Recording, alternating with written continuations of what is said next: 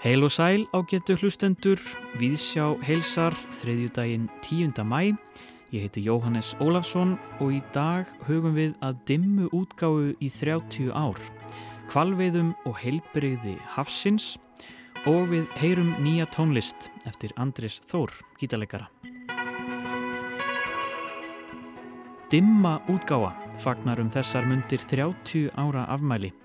Hún var stopnuð árið 1992 í þeim tilgangi að gefa út tónlist og bókmyndir og þar kennir Ímisa Grasa. Undir merkjum dimmu hafa komið út ljóð og ljóða þýðingar, vísna tónlist, þjóðlög og jazz, auk barnaefnis. Nú nýlega opnaði dimmu búð við Óðinsgötu 7 þar sem þetta allt saman er til sölu og viðsjá brá sér í þingkoltin í morgun og hitti þar fyrir mannin á bakvið útgáfuna, Aðalstein Ásberg Sigursson. Hann ætlar að hjálpa okkur að bregða byrtu á dimmuna og segir okkur frá útgáfunni. Ætlum við Íslendingar að vera þjóð á meðal þjóða í náttúruvernd eða ætlum við að ganga gegn alþjóðlegum viðmiðum náttúruvendar og sitja eftir sem siðlaust eiland, spyr Dalrún Kaldakvísl, sakfræðingur, í þrumupisli hér á eftir um langreiðar og kvalveiðar við Ísland. Fyrir liggur að stór kvalaveiðar munu hefjast í næsta mánuði hér við Íslands strendur og Dalrún segir okkur í dag frá forsögu kvalveiða, stöðu þeirra í dag og horfur. En við ætlum að byrja við sjá í dag á nýri íslenskri tónlist. Pétur Gretarsson þölur hér á Rás 1 rakst á tónlistamannin Andrés Þór hér á göngum Ríkisútvarpsins á dögunum og tók hann aðeins á tal.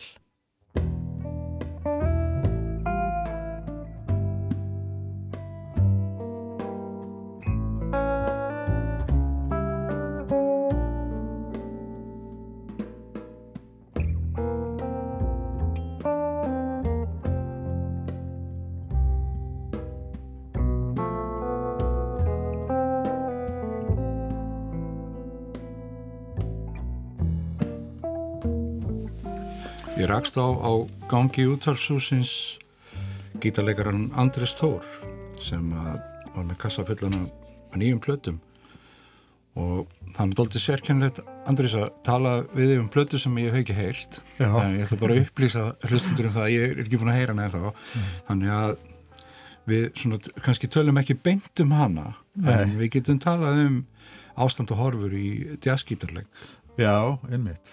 Þær, þær eru, hérna, þær eru, hvað segir maður, bjartar með jæljum.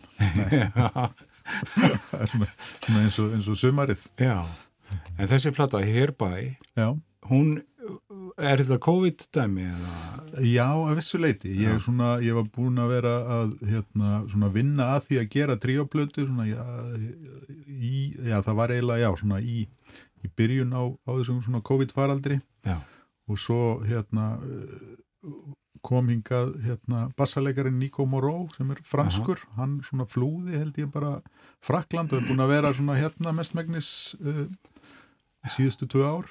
Já. og hérna og ég og hann og Magnús Tryggvason trómuleikari við hérna fórum að svona hittast að því að við máttum vera svona cirka þrýr saman í Já. einu rými. Þannig að þá einmitt. að svona smellpassa það hefði ekki mátt vera mikið fleiri. Nei, Þannig að þá gáttu við svona unnið aðeins að þessu og, og ég hérna og það gafst svona einhver tími, það er ofta ekkit auðvelt að fá músikanta til þess að hittast bara svona og eigða smá tíma í einhverja æfingarými, en þegar að maður fær ekkit að spila þá einhvern veginn verður svona meiri þörf fyrir það jável. já. Er, en þetta er samt, sko, þetta eru tónlist eftir þig, þetta er ekki, ekki spunni, þannig þetta er, Já, þetta er eftir, eftir mig. En hefur, sko, þetta format, þetta er nú lífsegt format, tríó formatið, heldur að samkomi takmarkanir hafi verið guðskjöf fyrir, Fyrir tríó. fyrir tríó spilamennsku? Já, já, sko, já, maður er bara að spila fyrir sjálfan sig, þá er það svona, en en ég held að svona sem sem tríó þá viljum við náttúrulega spila fyrir, fyrir fólkið þannig að, mm, þannig að það er mjög þakklátt að, að vera, vera lausir úr viðjum einsemdarinnar sko.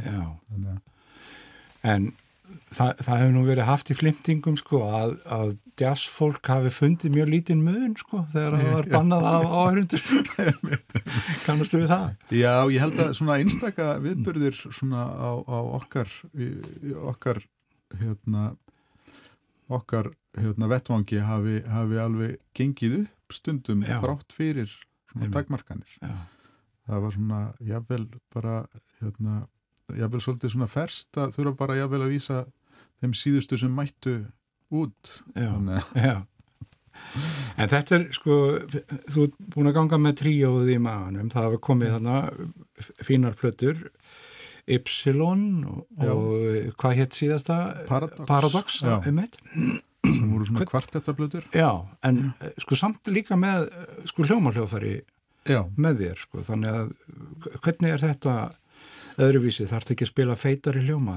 Jú, það er svona meira hérna, eh, aðeins meira um svona maður þurfi að, að, að svona vinna með hérna svona, hvað segir maður annarkvort, eh, já, svona eitthvað svona meiri pólifón í, í, í, í, í laglínuleik og Mm, svo fær bassin að vissuleiti líka aðeins svona ríkara hlutverk stundum í svona tríóformati já, og þetta er í rauninni svona format sem að sem að hefur heitlað mig lengi. Það Já. er í rauninni platan sem að ég heyrði sem að var til þess að ég uh, í rauninni tók þá ákverðun 16 ára gammal að ætla að reyna að verða jazzleikari. Það var hérna Question and Answer með Pat Metheny. Tríóplata sem hann tók upp eftir að hann var búin að vera á tónleikaferð með Pat Metheny Group og, Mm. og bókaði síðan bara Power Station og fekk Roy Haynes og Dave Holland. Já, bara rosa orka í honum og, og í þeim öllum. Þannig að það var svona þetta var svona platan sem kveikti aðeins í mér og, og, og þess vegna hefur tríó eða einhvern veginn svolítið sótt í þannig mm, þannig blötur. Já. og fór og seinna tekkaði ég á eins og hérna eins og uh, tríó með píjánuleikurum eins og, eins og Keith Jarrett og Bill Evans. Aha, en svo á þessum tíma þá var náttúrulega svolítið erfiðar að komast yfir músík þannig að ég las í hérna sagt, textanum inn í plötunni þessari question and answer þá Mm. las ég um að Patni Þíni hefði sem sagt að áhrifin væru svolítið eins og tríó Jim Hall gítarleikara. Já, og ég fann aldrei neina blötu ég var alltaf að fara í Apis og að það var ekki til einhver plata já, með Jim Hall tríó. Og ég held ég svona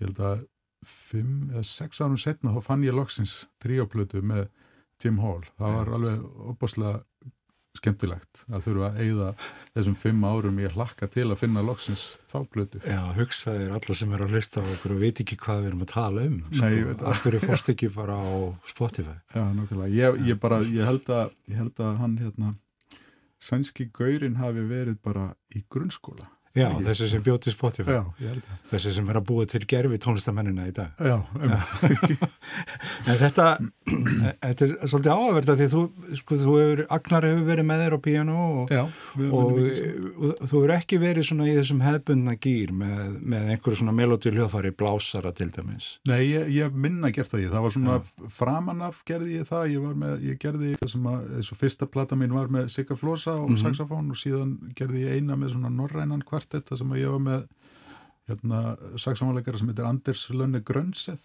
mm. þannig að En svo fór ég svona að hafa meiri þörf fyrir að vera í þessu laglínu hlutverki sjálfur já, líka, þannig að ég hérna, þannig axlaðist það svona yfir í að vinna meira í, í svona harmoníu já hérna, með svona tvö harmoníu hljóðfæri. Það er, hafa nú margir gítarleikar talað um það, þeir til dæmis hlusti á blásara til þess að læra að spila laglínur. Já. Kannast við það? Já, ég kannast við það Já. og ég, svona að því að ég er, við vorum að tala um eins og tríóformati, þá eru einmitt þannig tríó eins og með Sonny Rollins og, og ein, ég var svona eina uppáhaldsplötu með Lee Konitz sem heitir Motion, Mm. þar sem að ég held að sé Elvin Jones og hvort það er Henry Grimes á bassa eða eitthvað. Já, Það er, það er alveg, alveg frábær, frábær plata, þannig að það er svona, hérna, kemur þetta element það sem að, það er í rauninni harmoníu elementið er bara sett svolítið til hliðar. Já, og svo, svo er hérna, gítar, gítarleikar eins og Grant Green hann tekur svolítið það approach í sínum tríóum að vera með sagt, að spila svolítið eins og saksamáleikari það, það var eitthvað plata sem að hann gerði sem að þetta er held í standards ég, bara, ég, ekki, ég held að hann spili bara engan hljóm á þeirri blötu Nei, það er bara, bara laglínur og, og eitthvað svona mjög svona flott nálgun. Þannig að það, það er líka svona konsept sem að heila mig.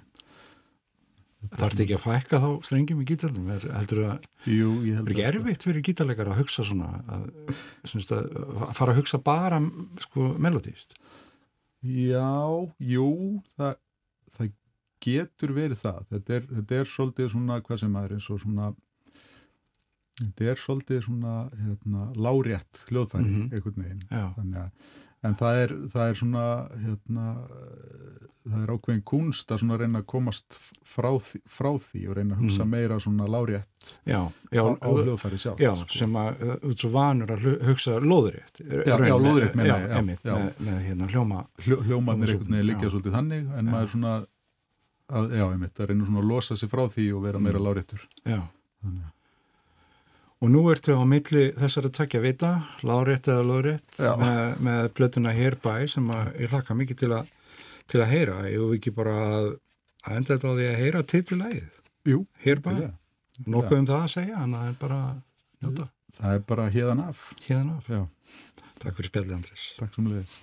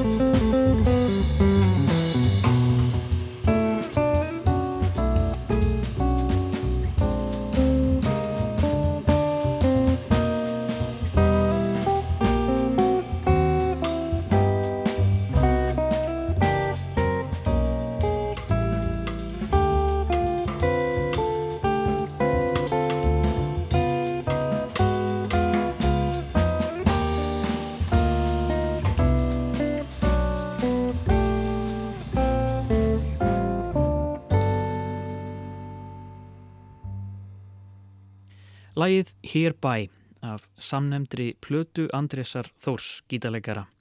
Hann rætti þar áður við Pétur Gretarsson. En við ætlum að halda út á haf og huga að kvalveiðum. Dalrún Kaldakvísl tekur nú við. Tignarleir vastrókar rýsa nú upp af haflitinum við Ísland. Það er mæmánuður og næst stæðsta skeppna veraldar, langgreðurinn, síni síu auknum mæli á fornum ætislöðum sínum á Íslands miðum. Fyrir neðan yfirborð sjávar óma djúpir tónar langgreðana sem syngja og ræða sín á milli, tarvar, kýr og kálvar. Rattljómar langgreðana berast óra vegalendir um hafdjúpin undirtónar sem tilhert hafa Norður Allandshafi frá grári fornesku. Í hljóðheimi hafsins þá er það söngvar langreða sem óma hvað sterkast. Því söngvar risana geta borist um hundruðu kílometra um undurdjúpin og reyndar gott betur því sankant nýri rannsókn þrengja hljóð langreða sér alla leið niður í jarðskorpuna. Söngvar langreða taka breytingum millir einstæklinga, hópa og árstíða. Til að mynda syngja tarvarnir ástarsöngva sína á veturnar til að draga það sér aðtökli kvendýrana. En talið er að söngur tarvana geti varað allt að upp í 32 hljómfagrar klukkustundir. Þessi fögru söngdýr hafsins sem nærast öðru fremur á svifkrabbadýrum eru dökkrá eða brúnsvörta lit að ofanverðu og hvít að neðanverðu. Eins og áður segir þá eru langreðar næst staðsta dýr veraldar á eftir steipireiðinni. En langreðar geta orðið alltaf 23 metrar að lengt. Langreðar eru ströymlínulaga með fagurmótað ottmjótt höfuð og aðtugul dimleit augu. Langreiðar, líkt og svo margar kvalategundir, hafa tignarlega sporðblöðku sem þær lifta þó ærið sjaldan úr hafi þegar þær kafa. En þegar langreiðar hefja sporðblöðku sína upp yfir haflutin, þá er ekki feguri skúldur að finna ofan sjávarborðs. Lífskeið langreiða er almennt 80 til 90 ár en elsta langreiður sem vitaðir um var 114 ára gömul. En hvað segja vísindin okkur um félagshefni þessara merkilögu dýra? Það hefur lungum verið ljóst að langreiðar eru mikil félagsdýr sem búa að eigin samfélagsgerð og tungumáli. Þar halda sig oft saman í smáum hópum, yfirleitt tvær til sjö saman í hóp. Innilegustu samskipti langreiða eru millum móður og afkvæmis, líkt og gernt er með spendir. Sankvæmt viðmiðum, alþjóðlegu náttúruventarsamtakana IUCN eru langreiðar skilgrindar sem berskjöldu tegund.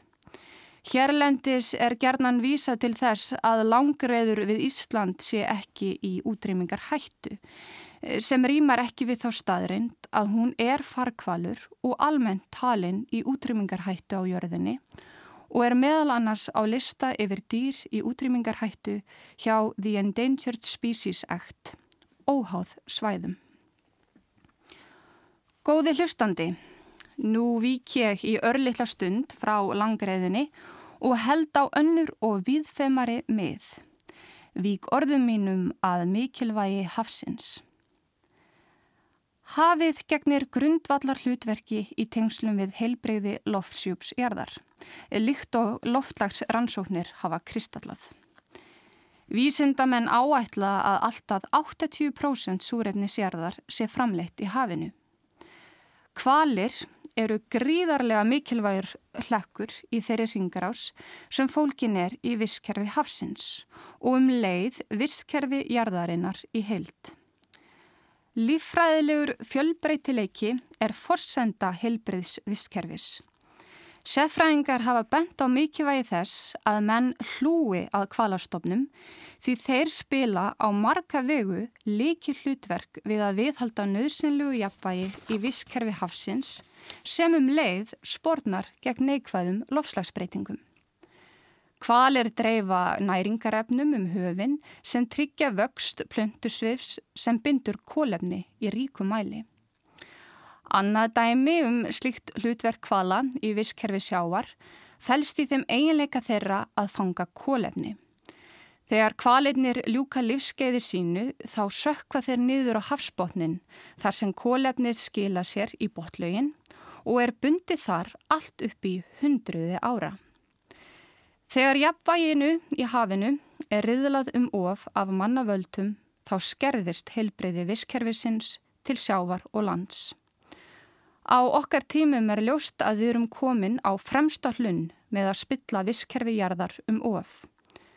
Reyndar er það tjón orðið slíkt að lofsla seffrængar tala um að við höfum um það byl tíu ár til að bæta úr umgengni okkar ef ekki eigi að hljótast af varanlegur skadi. Skadi sem valda myndi því að veröldin erði aldrei söm til búsetu, manna og annara dýra. Tíminn er að renna okkur úr greipum Vegna þess þarf að grípa til allra þeirra aðgerða sem völ er á sem hindrað geta tjón á náttúrinni af manna völdum. Hafið er, eins og áður segir, grundvallar þáttur í tilvist lífrikisjærðar. Að segja má lungu jærðar. Því er svo mikið vægt að Ísletingar, umkringdir Norður Allandshafinu, umgangist að hafsitt af lífsnöðsynlegri varúð og fyrirhyggju á þessum mestu vátímum mannkinn sögunar. Eitt af því sem þjóðir hafa sammælstum til að venda lífriki hafsins er að leggja af kvalveðar. Þar að baki leggja vísindaleg rauk sem rýma við það hlutverk sem kvalir gegna í visskerfi sjávar og eðlileg virðing fyrir lífi þessara þróuðu dýra. Í gegnum aldinnar hafa menn víða um veröld gengið hart fram í kvaladrápi. Svo mjög að sumir kvalastofnar eru enn í dag á barmi útrymmingar. Líkt og Íslands slettbakurinn er gott dæmi um. Í þessu sambandi er þart að minna á þá staðrind að það tekur mjög langan tíma að vinda ofan af ofveiði á kvölum. Því kvalir kynþroskast seint aukin heldur sem þeir ganga lengi með afkvæmi sín og eru lengi að koma þeim á legg.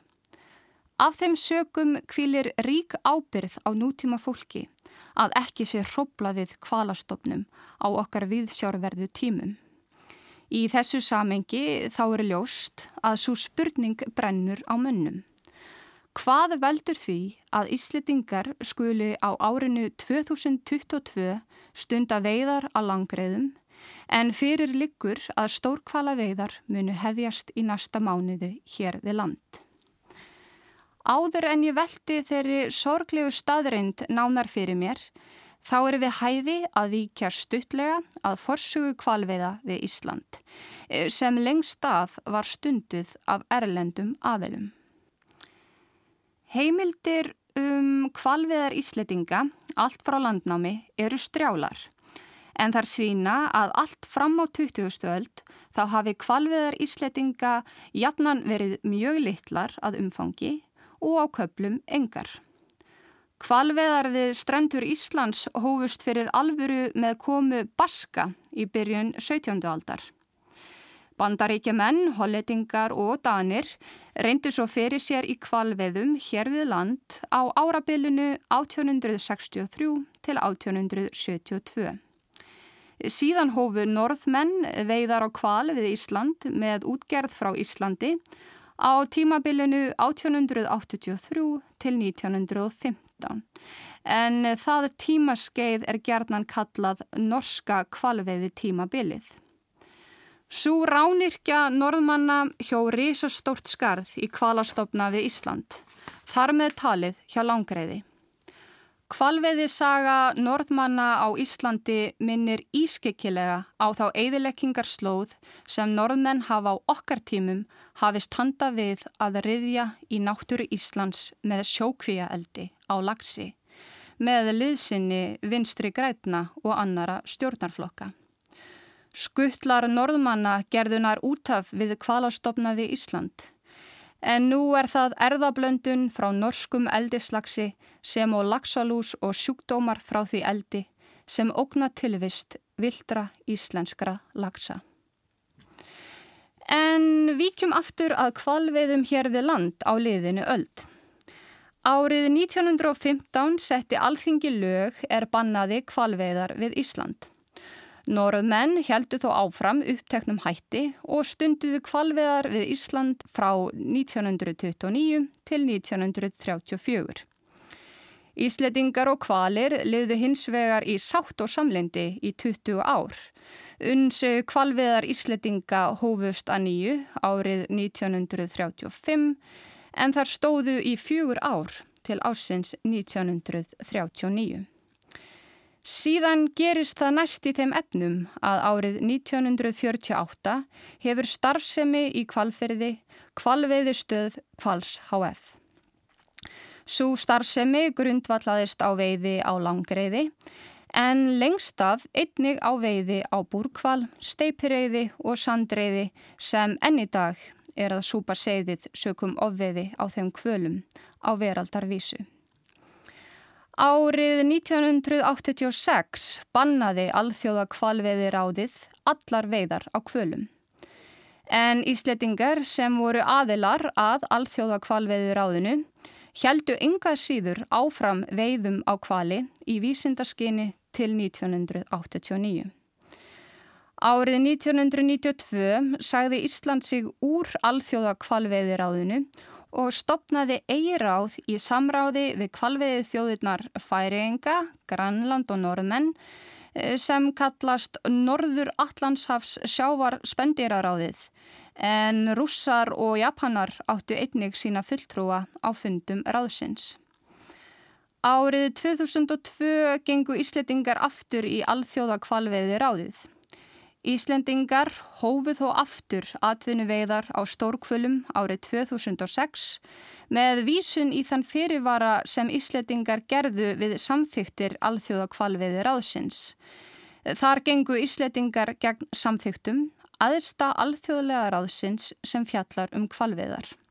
Auk þess sem Íslendingar gengu með beinum hætti gegn alþjóðlega sáttmálánum SITES sem er alþjóðlegur samningur varðandi kaup og sölu á dýrum og plöntum sem eru í útrýmingarhættu.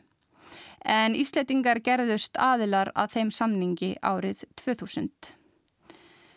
Vinsaldir Ísletinga fóru dvínandi á alheimsvettvangi sögum afstöðu þeirra til kvalviða og í því ljósi ákveðu Íslandingar að endur nýja ekki veiðikvótan fyrir árin 2007 og 2008.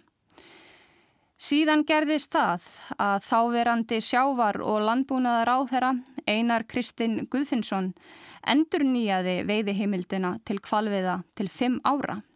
Nokkuð sem átt eftir að hafa neikvað áhrif á ímynd Íslands og samskiptu okkar við aðrar þjóðir þar með talin Bandaríkin. Árið 2014 beindi Obama forseti Bandaríkjana orðum sínum til íslenskra ráðamanna í ávarpi sínu til Bandaríkjathings. Þar bað hann Íslensk stjórnvöld að virða sæts samningin um alþjóðaverslun með tegundir í útrymmingarhættu og jafnframt óskaði Obama þess að kvalveiði ríkið Ísland erði þessi stað kvalaskoðunaríki. En allt kom fyrir ekki. Veiðileifi Kvals HF var endur nýjað á ný árið 2014 til ársins 2018. En þess ber að geta að á árunum 2006 til 2018 voru 852 langreðar drefnar við Ísland. Veiðileifi Kvals HF var aftur endur nýjað árið 2019 til 2023 og fyrirtækinu var þá veittur mun meiri kvalveðukoti en áður. Það sem vekur fyrðu er að ríkistjórn Katrínar Jakobsdóttur stóð að baki endur nýjuninni 2019 til 2023. Ríkistjórn sem leiði veiðar á alltaf 2130 kvölum og í þvíljósi er stjórnarflokkur vinstri græna alls ekki græn á að líta. Kvalveiðar við Ísland eru stundtæðara fyrirtæki sem er í eigu eins manns. Fyrirtækis sem verðist eigða meiri vinnu í að finna markaði fyrir illseljanlegar kvala afurðir heldur en að veiða langreiðarnar sjálfar. Fjárhagslegur gróði af því að leggja kvalveðar niður er markfaldur á við að stunda kvalveðar á Íslandi. Vegna neikvæðra áhrifa kvalveða á efnahag Íslands, ekki síst á ferðamanna eðinað okkar og vöru útflutning. Þrátt fyrir að stjórnvalds ákvarðanir Ísletinga hafi vegið að tilvist kvala við Ísland, þá má ekki gleima þeim aðelum sem hafa lagt sig í framkróka við að venda kvali við Ísland. Paul Watson, dýravenduna sinni og samtök hans Sea Shepherd Conservation Society sem útleggja mætti á íslensku sem hyrðar hafsins hafa um langt skeið lagt sín lóð á vogarskálar vendunar kvala við Ísland. Af öðrum náttúruvendarsinnum sem hafa lagt kvölum lið hér við land, þá kemur fyrstur upp í hugan Óle Anton, stopnandi og formaður jarðarvina, félagsamtaka um dýra, náttúru og umhverjusvend sem rak tvö sakamál gegn forráðamönnum Kvals HF vegna brota þeirra í starfsemi sinni. Á árinu 2022 gengur ekki upp að íslenski ráðamenn séu enþá að ræða það hvort að kvalveðar við Ísland hendi ísletingum fjárhagslega eða ekki með vísun í endur nýjun kvalveiðileifana árið 2024. Slíkir þangagangar eru fjärstæðukendir nú þegar helstur sérfræðingar heimsbyðarinnar á borð við hinn heimsþekta sjáarlífræðing Silvíja Örl eru sammála um að kvalveiðar eigi að heyra fortíðinni til. Ísletingar eiga einungis einn raunhæfan kost varðandi umgengni sína við kvali hér við land. Að hætta kvalveiðum og hefja þessi stað kvalvernd. Með því að venda langgreðar, næst staðsta dýr veraldar, þá myndum við vera samstiga öðrum þjóðum í þeim tilgangi að venda berskjaldar langgreðar, tarfana, kyrtnar og kalvana. Eins og staðan er núna munu veiðar kvals HF á langgreiðum hefjast á fyrirluta júni. Það gefur þér, hlustandi góður, rúmlega mánuð til að mótmæla stórfældum glæp gagvart náttúru vorri. Ætlum við Íslitingar að vera þjóð á meðal þjóða í náttúruvend? Eða ætlum við að ganga gegn alþjóðlegum viðmiðum náttúruvendar og sitja eftir sem siðlöst eiland? Megi langreðar synda óáreittar við Ísland árið 2022 og um ókomna tíð. Sagði Dalrún Kaldakvísl, sagfræðingur. Þetta var hennar síðasti pistill hér í Víðsjá en hún hefur fjallað um ímislegt fróðulegt úr sögunni hér í þættinum og við þökkum henni kærlega fyrir. En við ætlum að huga að bóka útgáfu næst hér í Víðsjá bókaútgáðu sem fagnar stór ammali um þessar myndir. Ég brá mér í miðbæinn í morgun.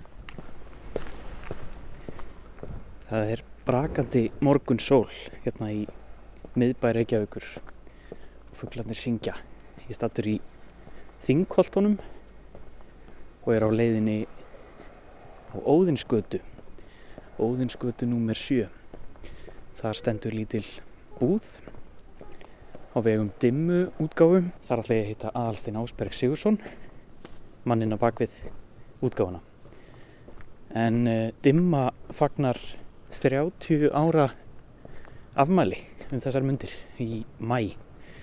Uh, dimma var stopnið árið 1992. Ég ætla að ræða aðeins við aðsteinum það sem að hefur gerst á þessum 30 árum og hvert framhaldið er.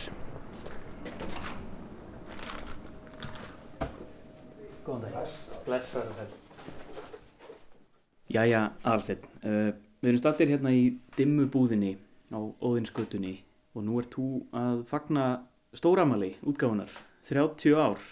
Uh, varstu, varstu sannfarður um að þú erið rennað árið 2022 þegar þetta fór á stað? Nei, ég held að ég hef ekki gert með neina grein fyrir því þá vegna þess að ég upphafi var þetta bara að hugsa sem pínulíti verkefni og hérna ég hef oft sagt á sögu að hérna, starf sem ég byrjaði bara því að mér langaði til að gefa út tvær ljóðabækur og eitt geisladisk og þannig byrjaði þetta allt vorið 1992 og ég hafði ekkert hugsað svona langt inn í fremtíðina og hérna en einhvern veginn þegar ég var byrjaður þá gæti bara ekki hægt. Anna Pálina og aðarsteinn Ásberg hafa komið sér vel fyrir á laufasveginum. Heimilið þeirra er allt í senn, starfstöð söngun og rítöfundar, vörulagir dimmu og skjól fjölskyldunar. Okkurleg forutná að vita hvers konar útgáðafyrirtæki dimma er. Hvað gefaðu hjónakorn eiginlega út? Við höfum ekki svona fest okkur alveg í neinu einu, eða kannski við höfum fest okkur í líka einu, en höfum svona geta ráðið okkur alltaf sjálf og hérna það er svona, er, er eiginlega nöðsynlegt þegar, þegar maður starfar við það sem við gerum. Þetta eru orðnar hjá okkur, þá erum við búin að gefa út uh, átta geisladiska og hvað er að telja pingranum og hvað áleika marga bækur líka Já. svona við hliðina, það er farið, farið miklu minna fyrir þeim, það verið hérna, ljóðaútgáfur. Og hérna kann, þetta byrjaði nú má segja kannski með því að við erum með efni sem er kannski ekkert svona það sem allir útgefundur eru að sækjast eftir. Eða við heldum það allavega svona fyrst þegar við vorum að byrja sem það er ekki, vil kannski enginn gefa þetta út og við vil, kerðum okkur eiginlega ekki um að fá henni nei. Svo tók það auðvitað stálitinn tíma að, að, hérna, að, svona, að byggja þetta upp sem fyrirtæki en, og, og það liðust, það voru svona ár þar sem ekkert kom út fyrstu árin. Eða kannski það kom svona hlið eitt ár og svo kom næsta ár og þá hugsaði maður sér aftur til reyfings en svo hefur þetta eiginlega verið nokkuð svona stabíl útgáfa frá svona 97 kannski, Já. eitthvað svo leiðist hvaða ljóðabækur og, og músik var þetta sem þið langaði ekki út til að byrja með? Sko fyrstu bækurna voru bara ljóðabók eftir sjálfa mig og svo ljóðaþýðingar eftir norskan höfund sem heitir Pól Helgi Háken og, og svo var þetta eh, hljómplata eða svona geisladiskur sem hétt á einu máli og það var ég sjálfur og kona mín heiti nú Anna Pálina mm. og þetta var svona bara byrjun og já, við hefum þetta ekkert lengra og þetta kom út fyrsta árið og svo vorum við að stúsast í að selja þetta og, hérna, og næsta ár leið en svo aftur, fór, fór ég aftur að stað næsta ár Já. og þannig kolla kolli okay. svo má segja þetta hafi breyst kannski dáliti aðstæðunar þegar að uh, þegar að við gáfum út barnaplöturnar sem eruðu mjög vinsælar Berrasuð og Tánum og Bullutröll héttu þær og svo fyrir kom út 98 mm. Og þá einhvern veginn fengum við dálítið byr. Og, og það þýtti það að maður gæti svona leift sér meira og hugsa aðeins lengra. Og hérna ég held að það hefur svona einhvern veginn svona ítt, ítt með lengra inn í þessa útgáð Við erum berrasuð Berrasuð á, á tánum? Hvað er þetta? Berrasuð á tánum, hvort lafna þetta? Vistu það ekki? Þú hefur aldrei verið berrasuðar á tánum? Sjálfsagt ekki. Já, ég sé bara búin að gleyma Ekki almála færi allavega. Jú, jú, jú, jú. Þetta segja litlir krakkargjarnar þegar þau eru berfætt. Á þá segja þau við erum berrasuð á tánum. Berró. Berró. Það sem að sko það sem að ítti mér kannski af stað í samvættu við bækurnar var fyrst og fremst að ég hafði mikinn áhuga á sko ljóða þýðingum mm. og var sjálfur að þýða ljóð. Og þetta var kannski svona já, næstum eina leiðin til að koma þeim á framfæri. Mm. þannig ég setti mér bara í gýrin og, hérna, og, og lærði hvernig maður sækir um styrk til þess að þýða og gefa út og og svo einhvern veginn leiti eitt af öðru. Og nú eru þær orðnar ansi margar sko ljóða þýðingabækunar sem að dimma hefur gefið út af því að það var svona í byrjunin kannski einn svona sérgrein sem engin annar hafi verið að sinna. Já, akkurat. Ertu búin að gefa út mikið af svona, hvað var að segja, draumahöndunum í, í þýðingum eða ertu með eitthvað svona sem að þið langar opbáslega mikið að gefa út? Það er, það er alltaf eitthvað sem mann langar til að gera og, og ég hef svona á setni árum þá hef ég auðvitað hugsað veist, hvað, hvað er það sem að, mér dreymir um að gera af því að þetta, þetta er svona kannski tvent ólíkt að gefa út uh, bók með segjum bara svona ósköp venjulega hérna litla bók, kil, svona kiljuútgáfu mm. Eða þá að gefa út svona stærri verk sem er, sem er allt allt annað og ég hef nú ekkert verið að leggja mig mikið eftir því en prófaða þó af því ég vildi geta gert það líka og, og ég er með það eru, það, það eru vissi hlutir sem ég ætla mér að gera enn þá því að auðvitað hugsa maður líka býtu er þetta ekki að árið ágætt 30 ár og hérna er það ekki bara svona, eiginlega bara fullur pakki mm. En það eru ennþá á tekniborðinu hérna, nokkur þannig verk. En svo verði ég líka að bæta því við að það breytist auðvitað heilmikið þegar, að, þegar ég tók við út, útgáfinni að, að, að gefa út Girði Eliasson.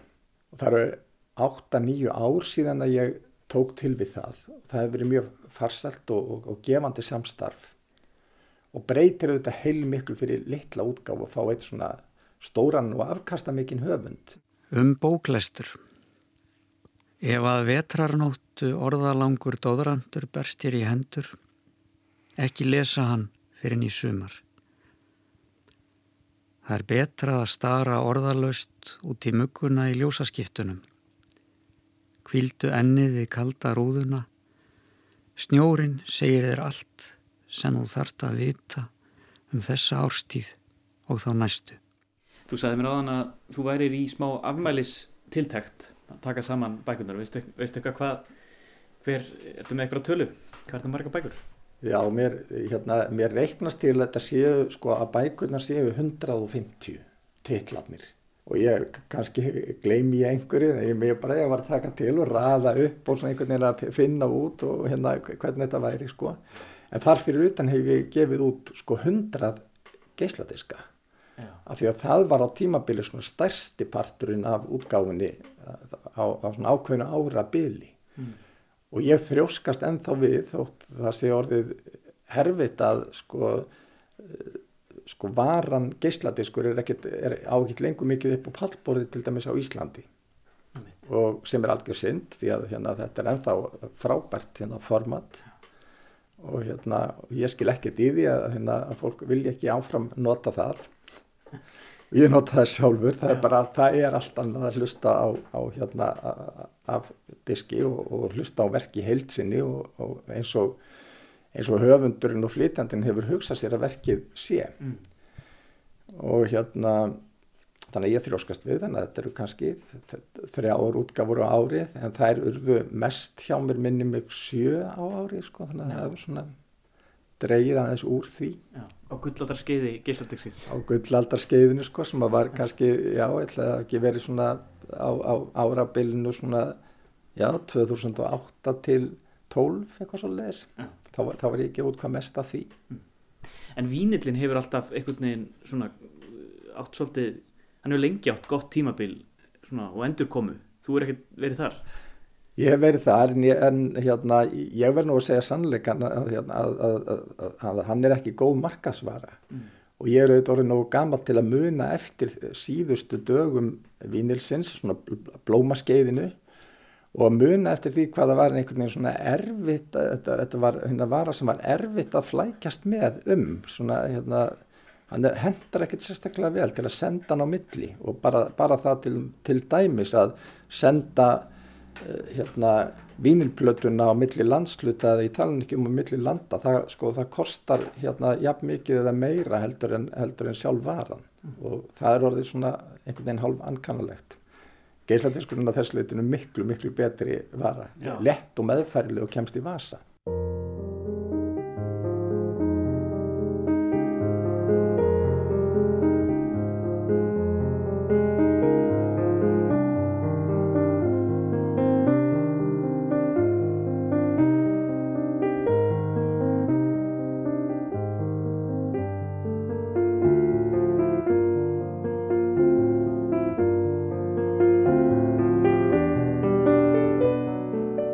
það sem að hefur kannski breyst á 30 árum er það að, að, að svona staða sko hinnar hefbundum bókar er dálitið önnur.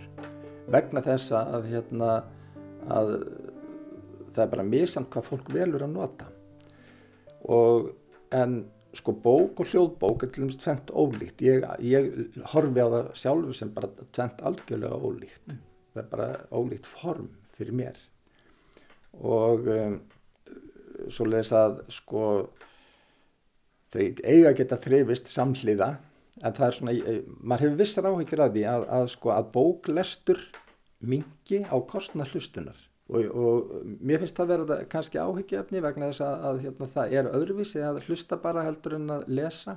Þa, það, það grefur þá undan hérna undan uh, skriftarkunnáttu hreinlega og hérna þetta er bara þannig að mér finnst það að vera mjög mjög mikilvægt að, að fólk haldi áfram að lesa þó að sé bara gaman og, og, hérna, og gott að hlusta líka þá skiptir lestur öllu máli Gerir bæði þá kannski. Já, en bara, mér finnst það bara það, það verður að vera þannig sko. Í dag er svo margt einhvern veginn í svona í streymi. Það er, það er, það er sístreymi af, af sjónasefni og, og hljóðbókum og ímsu bókin sem hlutur og þú tekur hann upp og lest hana með augunum það er eiginlega orðið bara svona hálfgerð svona ansbyrna gegn því. Það er bara svona nú, núvitundaræfing.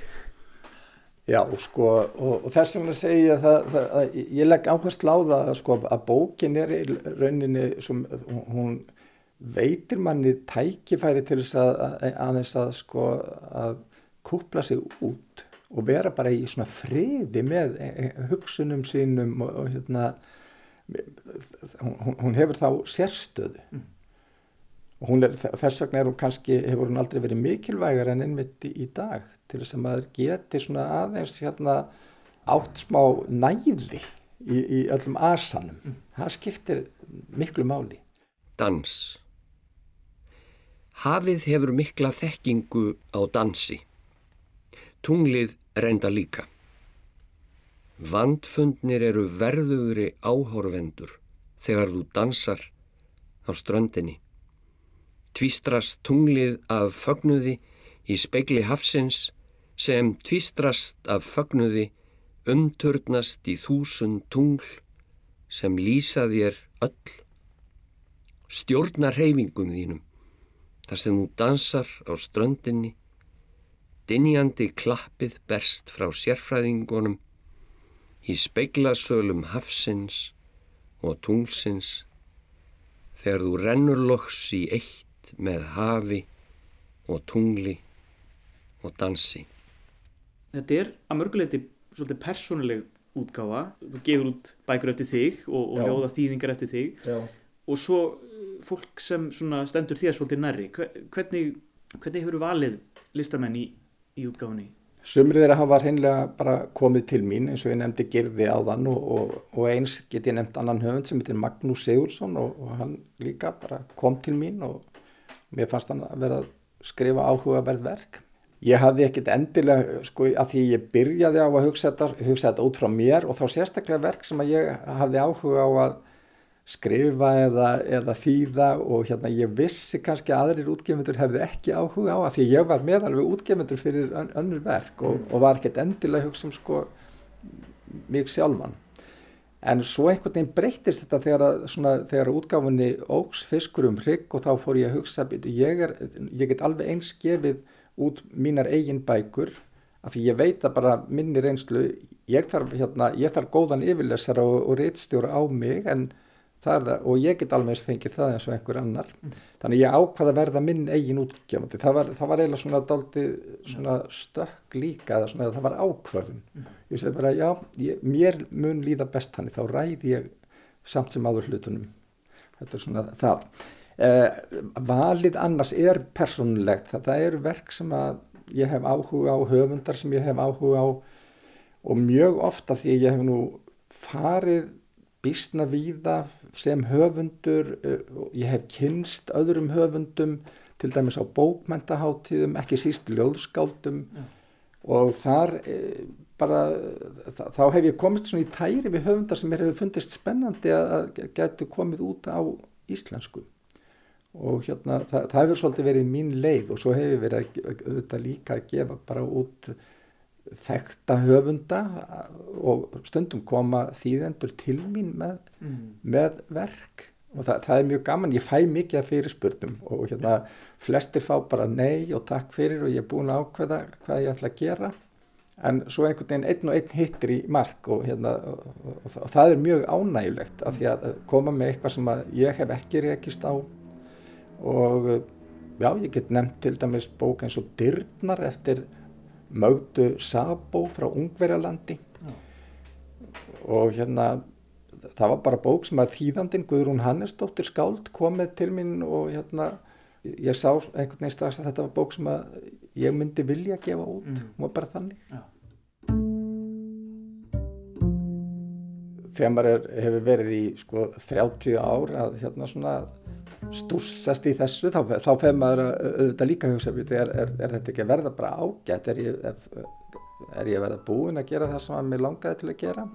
Ég veit það ekki ennþá sko en, en ég er alveg fann að hugsa já, hérna hmm, verði ég hérna ennþá sko hérna, verði ég alltaf í náttúrulega gamli kallin í, í, í bransanum sko sem er ekki leiðilegt sko.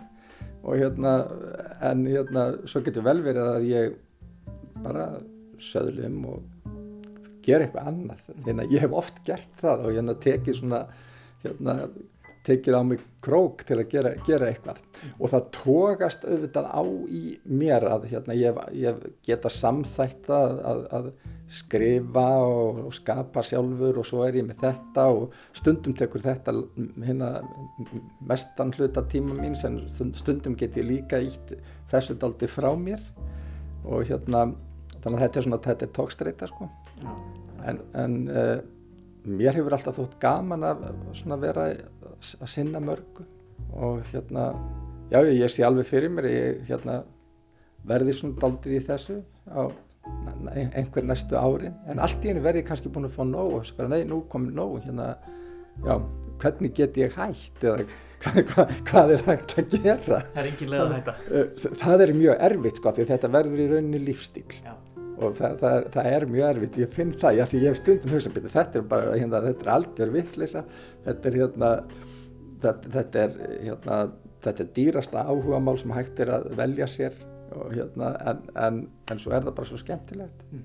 og hérna, já, því ég segi alltaf að þetta er, sko, þetta er meira áhuga mál heldur en, heldur en aðfinna. Við skulum hafa þetta loka orðin. Um, segjum þetta gott hérna af óðinskötunni, uh, dimmu búðinni aðalsteinn Ásberg Sigursson. Takk hjálpa fyrir spjallið og til hamingi aftur með þennan stóra áfanga. Takk fyrir komin og takk fyrir mig.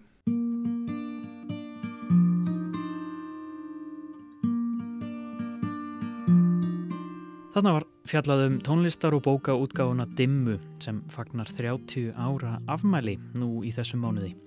Þarna leku undir og tóku til máls hinn er ímsu tónlistamenn og skáld sem hafa gefið út undir merkjum Dimmu í gegnum tíðina. Og við ætlum að ljúka viðsjá í dag á einum þeirra, Svavari Knúti. Hér syngur hann lagið Öldu slóð. Takk fyrir samfélgina þennan þriðdægin. Við verðum hér aftur á morgun. Verðið sæl. Geisla flóð Gengum við forðum Myndirna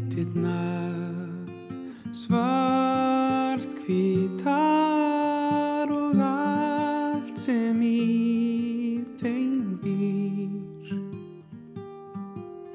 og allt sem var og